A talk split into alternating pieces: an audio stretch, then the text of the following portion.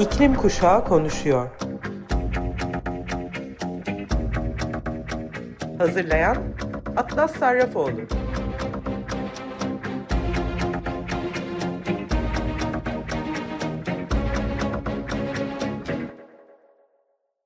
Hepinize merhaba sayın Açık Radyo dinleyicileri. İklim Kuşağı Konuşuyor programını dinliyorsunuz.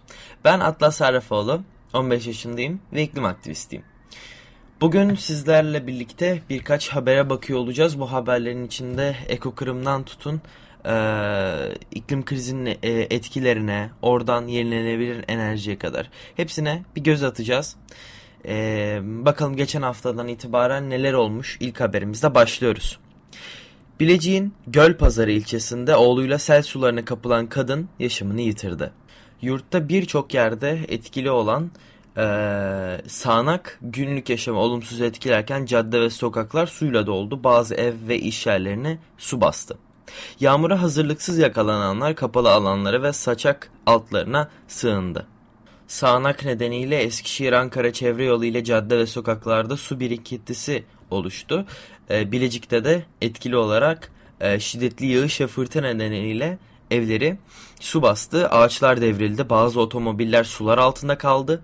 Bilecik'in Gölpazarı ilçesi Türkmen köyünde yaşayan 68 yaşındaki Asiye Bikmen ile 41 yaşındaki oğlu Sinan Bikmen aşırı yağışın ardından oluşan selin evlerinin içerisindeki duvarı yıkması sebebiyle suya kapıldı.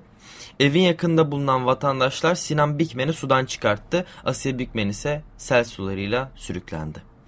Çevredekilerin ihbarıyla olay yerine jandarma, AFAD, 112. acil servis ve e, UMKE ekipleri sevk edildi. Ekipler ve vatandaşlar tarafından yapılan aramada Asiye Bikmen'in cansız bedenine ulaşıldı. Bikmen'in cesedi Gölpazarı Devlet Hastanesi morguna gönderildi. Bursa'da da öğlen e, öğleden sonra etkili olan fırtına ve sağanak nedeniyle ağaçlar devrildi. Cadde ve sokaklar suya e, gömüldü.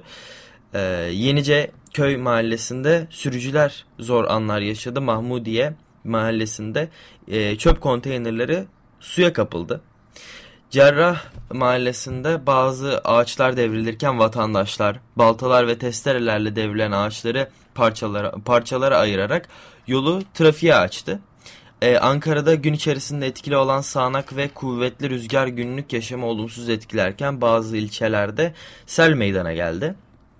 Ankara'da Nallıhan, Güdül ve çevre e, ilçelerinde etkili olan kuvvetli rüzgar ve yağış akşam saatlerinde de şiddetini arttırarak devam etti. Şiddetli sağanak köy yollarında sel sularının oluşmasına neden olurken kuvvetli rüzgar ve günlük yaşamı olumsuz etkiledi. Ankara Valiliğinden yapılan sağanak yağış uyarısında vatandaşların dikkatli olması belirtilerek 10 Temmuz Pazar günü yerel olarak kuvvetli sağanak yağış beklediğinden e, sel, su baskını, yıldırım, dolu yağışı, yağış anında kuvvetli rüzgar ve fırtına ile ulaşımda aksamalar gibi olumsuzluklara dikkat çekildi. E, tedbirli olunmalıdır denildi. Meteoroloji İstanbul için e, şiddetli sağanak uyarısı yapmıştı. O yağmur dün gece saatlerinde başladı. Şiddetli yağmur nedeniyle Esenyurt'ta Harami Dere taştı. Çok sayıda bodrum katı su bastı. Evet şimdi de Asya'daki ülkeler e, aslında yine günlerdir hatta haftalardır sele karşı mücadele veriyor. E, Hindistan, Bangladeş, Pakistan, Malezya gibi pek çok ülkeyi haftalardır etkisi altına alan yağışlar hafiflemedi. Avustralya ve Kuzey Kore'de de su baskınlarına neden oldu. Yılın bu döneminde etkili olan muson yağmurları iklim krizinin etkisiyle çok daha şiddetli yaşanıyor. Bildiğimiz üzere zaten Malezya, Filipinler genelde o Asya tarafı e, özellikle de denize yakın olması ve iklimi sebebiyle e, sellerle en azından Filipinli bir arkadaşım e, bana anlattığı üzere de çocukluğundan beri sellerle karşı karşıya olduklarını biliyorum. Ve aslında bununla birlikte de e, o e, bölgede sürekli sel yaşandığını haberlerden de takip edebiliyoruz. Fakat e, haftalardır bu seller şiddeti giderek artarak e, devam ediyor ve insanların hatta canlıların, bütün canlı hayatının, iklimin, e, dengenin e, hepsinin e, bozulmasına sebebiyet veriyor. Ee, Pakistan'da da 5 Temmuz'dan beri şiddetli yağış nedeniyle şimdiye kadar 4'ü çocuk 62 kişi yaşamını yitirdi. E, aşırı yağışlar sonucu 7 barajın kapakları patladı ve çok sayıda bölge sular altında kaldı. Ulusal basındaki haberlere göre Belucistan, Pencab ve Hayber Pahtunva eyaletiyle Bilgit Baltistan bölgesinde aşırı yağış hayatı olumsuz etkiledi. Afganistan-Pakistan sınırlarındaki köyleri de su basarken Belucistan ile Pencap eyaletini birbirine bağlayan otoyolun birçok noktası kapatıldı. Sint eyaletine bağlı Tata şehrinde 5 Temmuz'da sel sularının dolduğu kömür madeninde meydana gelen su baskını sonucu 10 işçi hayatını kaybetmiş. İşçilerin cenazeleri madenden dün çıkartılabilmişti. Afganistan'ın e, doğu ve kuzey illerinde meydana gelen şiddetli su taşkınları nedeniyle ülkede ikisi çocuk en az 10 kişi hayatını kaybetti. Birleşmiş Milletler sel nedeniyle 11 kişinin de yaralandığını duyurdu. 5 ve 6 Temmuz'da kaydedilen şiddetli yağışlar nedeniyle 280'den fazla ev zarar görürken 4 köprü ve 8 kilometrelik yol dahil olmak üzere 9 ilde altyapıda ciddi hasarlar meydana geldi. Açıklamada Haziran ayında 2 gün boyunca meydana gelen şiddetli yağışlarda 19 kişinin öldüğü ve 131 kişinin de yaralandığı Doğu bölgesinde bir aydan kısa sürede ikinci kez ani sel yaşandığı belirtildi.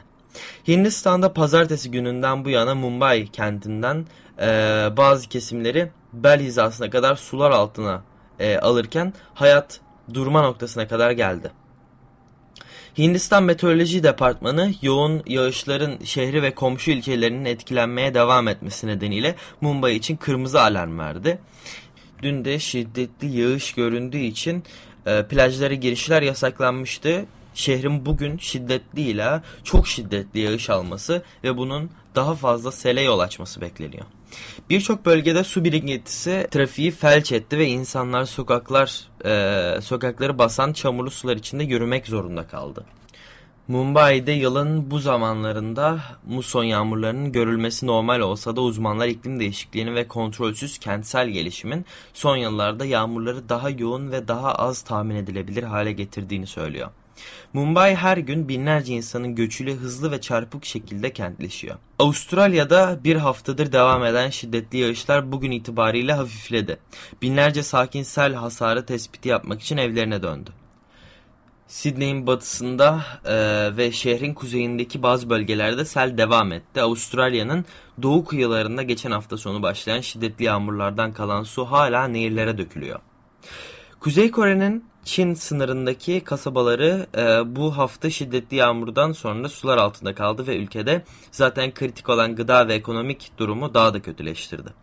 Kuzey Kore devlet yayıncıları Sinuji şehrinin dün en az e, 132 e, buçuk milimetre yağışla yılın en yoğun yağışını yaşadığını bildirdi.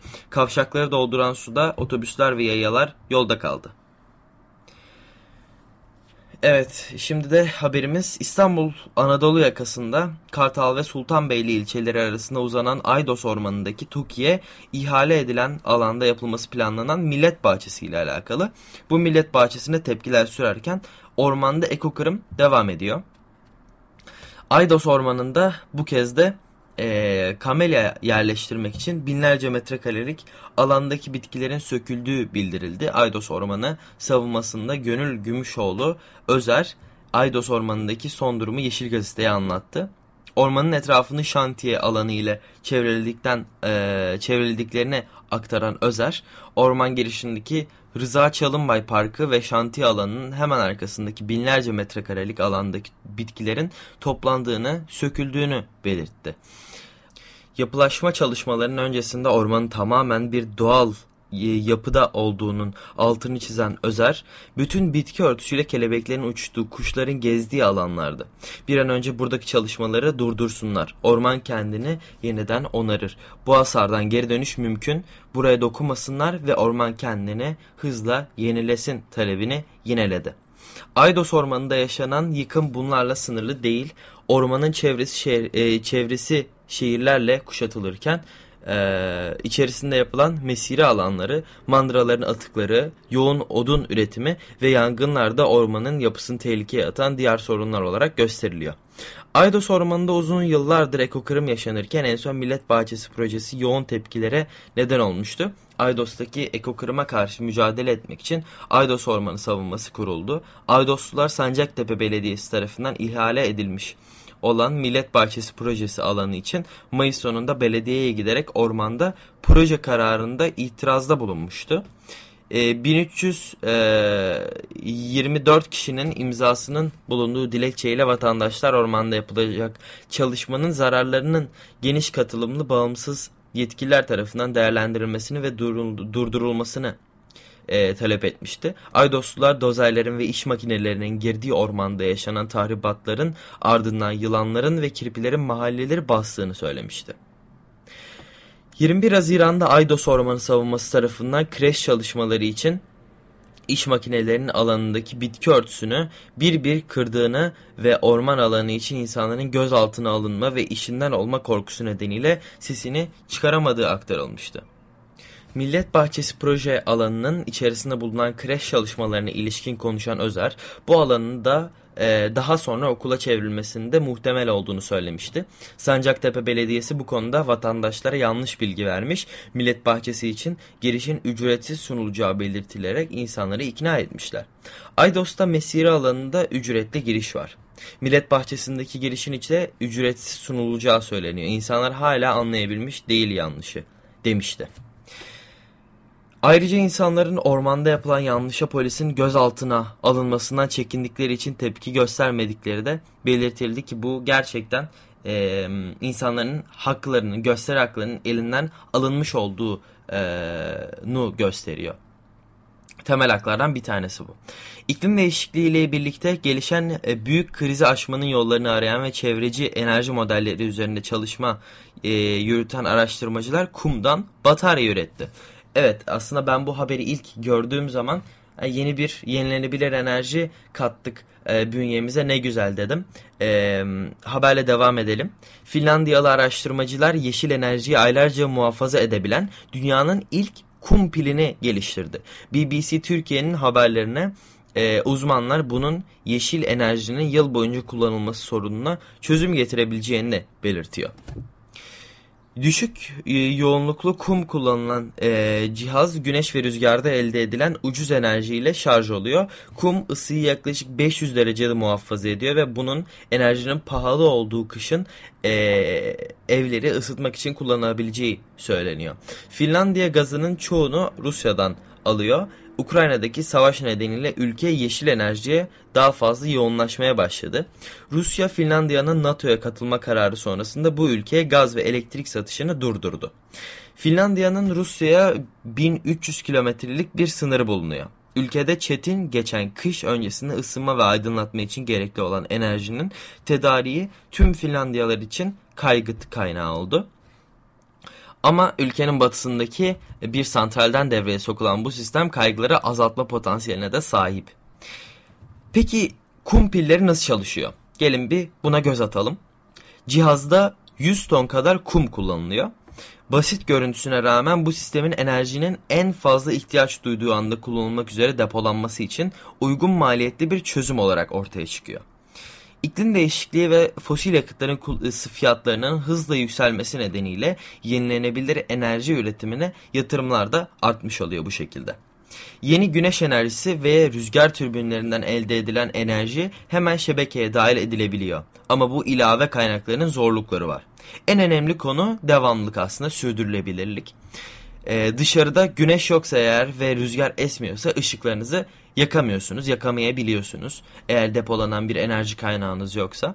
Ayrıca elektrik hatlarına yenilenebilir enerji verirken şebekeyi dengelemek için diğer enerji kaynaklarını da güçlendirmek zorunda kalıyorsunuz. Çünkü e, çok az e, ya da fazla enerji sisteminin çökmesine e, yani çok yüklenmiş enerji veya az enerji sistemin çökmesine neden olabiliyor. E, bunun en, en e, aşikar çözümü şebeke e, daha fazla yeşil hale gelirken enerjiyi depolayacak ve talebi dengeleyecek çok büyük ölçekli bataryalar inşa etmek gibi görünüyor. Hali hazırda bataryaların çoğu lityum kullanıyor. Bu bataryalar pahalı. Karbon izleri fazla. Ayrıca bu bataryalar fazla enerjiyi e, sınırlı ölçüde kaldırabiliyor. Ancak e, Kankampasa e, kasabasında bir grup genç mühendis kumdan yaptıkları pillerin ilk ticari montajını tamamlamış bulunuyor. Depolama sorunlarını düşük maliyet ve düşük etkili bu yöntemle e, çözebileceklerine de inanıyorlar. E, Polar Night Enerji şirketinin iki kurucusundan biri olan e, ve pili geliştiren ekip arasında yer alan Marco Yulönen e, yeşil enerjinin bol olduğu zamanda hemen depolamaya geçebilmek istiyoruz diyor.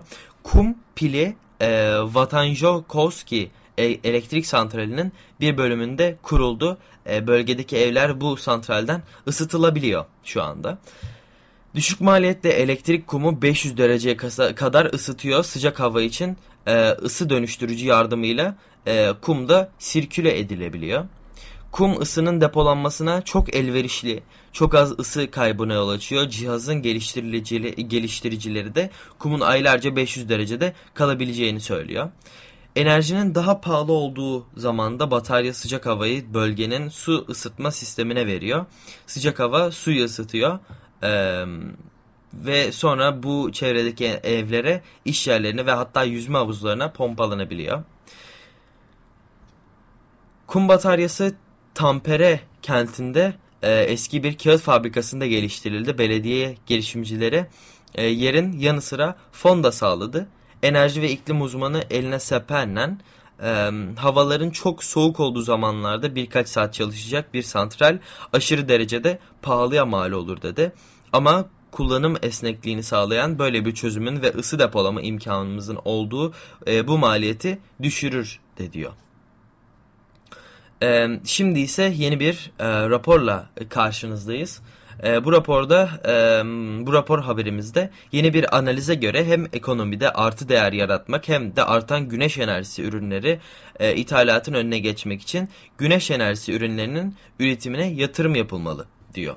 Sürdürülebilir Ekonomi ve Finans e, Araştırmaları Derneği tarafından hazırlanan çevresel ürünlerin ticari raporu, dünyada ve Türkiye'de çevresel ürünler raporu yayımlandı. Rapor çevre e, politikalarının küresel ticari e, ticareti nasıl etkilediklerine dair bir ön analiz sunuyor.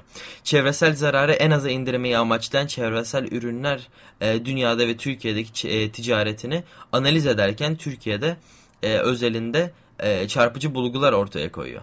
Türkiye'nin çevresel ürün ihracatı 2010 yılında 7.4 milyar dolardan 2020'de 16.3 milyar dolara, ithalatı ise 12 milyar dolardan 16.3 milyar dolara yükseldi.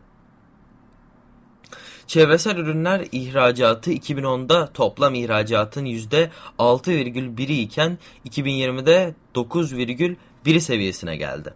Çevresel ürün ithalatı ise 2016'da Türkiye'nin toplam ithalatından %12 pay alırken 2020'de ise 9,1 pay aldı. Türkiye'nin çevresel ürün ihracatı otomotiv sektöründe içten yanmalı motor ve aksamları odağına yoğunlaştırıyor. Ancak AB ülkelerinin 2035'te petrol ve dizelle çalışan yeni araçların satışını sonlandırmayı hedeflemesi ve elektrifikasyonun tüm sektörlerde artacağı yönündeki beklenti Türkiye'nin önümüzdeki dönemde en önemli ihracat pazarında güç kaybedeceğine gösteriyor. Yatırım yelpazesinde güneş enerjisi ürünleri başta olmak üzere yenilenebilir enerji ekipmanları ve elektrifikasyonu destekleyen bileşen üretimine yönlenmesi Türkiye için bir fırsat alanı olarak gözükmektedir. Sürdürülebilir Ekonomi ve Finans Araştırmaları Derneği Direktörü Bengisu Özenç, Türkiye'nin enerji dönüşümünde de dışa bağımlı bir konumda olduğunun altını çiziyor. Özellikle 2016-2020 dönemine baktığımızda Türkiye'nin yeni güneş enerji kapasitesinin artışının güneş enerjisi ürünlerindeki ithalattaki artışla paralel seyrettiğini görüyoruz. Türkiye'nin ihracat kaleminde büyük yer tutan ve küresel olarak ivme kaybeden otomotiv sektöründe içten yanmalı motor ve aksam, aksamları yatırımlarının hızla güncel eğilimlerle uyumlu elektrifikasyonu destekleyecek şekilde dönüştürülmesi gerekmektedir. Ayrıca hem ekonomide artı değer yaratmak hem de artan güneş enerjisi ürünleri ithalatının önüne geçmek için güneş e, enerjisi ürünlerinin üretimine yatırım yapması daha doğru olacaktır. Küresel ticareti genişletmekte olan bu alanda yatırım yapılması Türkiye'nin çevresel ürün ihracatındaki payını kaybetme riskinde bertaraf edecektir diyor. Türkiye'nin çevresel ürün ticaretinde öne çıkan temel ihracat ürünleri insan e, taşıyan diğer motorlu taşıtlar, dizel motor için aksam parçalar ve benzinli motor için aksam parçalar. Çevresel ürün ticaretinde küresel bulgular ise şu şekilde. Çevresel ürünlerin küresel ticaret hacmi 1,5 trilyon dolar seviyesinde. Bu rakam toplam e, küresel ticaretin yaklaşık %9'una denk geliyor. Küresel ölçekte çevresel ürünler içerisinde en yüksek pay sahibi ilk 3 e, ürün grubu sırasıyla yenilenebilir enerji tesisi, atık su yönetimi ve içme suyu arıtma ve temiz veya kaynak verimli teknolojilerdir. Çin, Almanya ve Amerika Birleşik Devletleri 2010-2020 e, döneminde çevresel ürün ihracatının yaklaşık %40'ını, ithalatın ise yaklaşık %30'unu gerçekleştirmiştir. Yenilenebilir enerjinin 2020'nin ilk yarısında Almanya'nın elektrik tüketiminin %49'unu oluşturduğu ve elverişli hava koşulları sayesinde bir önceki yıla göre %6 artış gösterdiğinin de e, kaydedildiği duyuruldu. Kamu Hizmetleri Endüstrisi Derneği e, ve Güneş Enerjisi ve Hidrojen Araştırma Merkezi'nin yaptığı açıklamada hem daha yüksek güneş ışığı yoğunluğunun hem de rüzgar hızlarının bu trendin arkasında olduğunu söyledi. Almanya'nın elektrik tüketiminde yenilebilirlerin payı 2020'nin ilk yarısında %50 e, kadarına ulaşmıştı. Almanya'nın genel elektrik tüketimi ise 2022'nin ilk 6 ayında %0,8 azalarak 281 milyar kilowatt saate geriledi. Veriler yerel elektrik üretiminin %1.7 artarak 298 milyar kilovata yükseldiğini ve Almanya'nın dünyanın net enerji ihracatçısı konumundaki rolünü güçlendirdiğini gösterdi. Rüzgarla birlikte güneş, hidro, biyokütle, atık ve jeotermal enerjiyi içeren yenilenebilir üretim bir önceki yıla göre %13,5 artışla toplam 139 kilowatt saat katkısında bulundu. Buna %23 artışıyla 59 milyar kilowatt saat e, kara rüzgarı %17,3 artışıyla 33 milyar kilowatt saat. Fotovoltaik enerji %3,7 artışla 24 milyar kilowatt saat. Biyokütle enerjisi ve 5 artışla 12 milyar kilowatt saat. Açık deniz rüzgarı dahil. Nükleer yakıt, kömür ve gazdan konvansiyonel elektrik üretimi 6 ayda 159 milyar kilowatt saat ile 2021 ayında e, %6,7 daha az çıktı.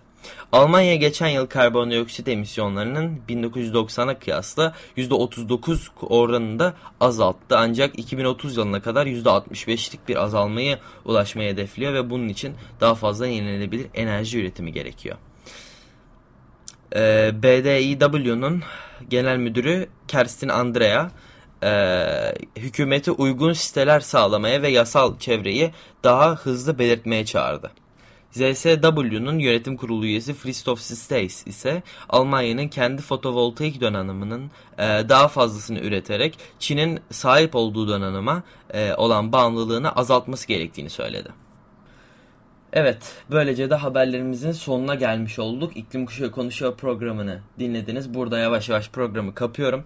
Programı kaparken de sizlere dinleteceğim şarkı Jack Johnson'dan The Three R's. Haftaya tekrar Cuma günü saat 2'de görüşmek üzere. Tekrar görüşünceye dek kendinize ve gezegenimize lütfen iyi bakın. Görüşmek üzere.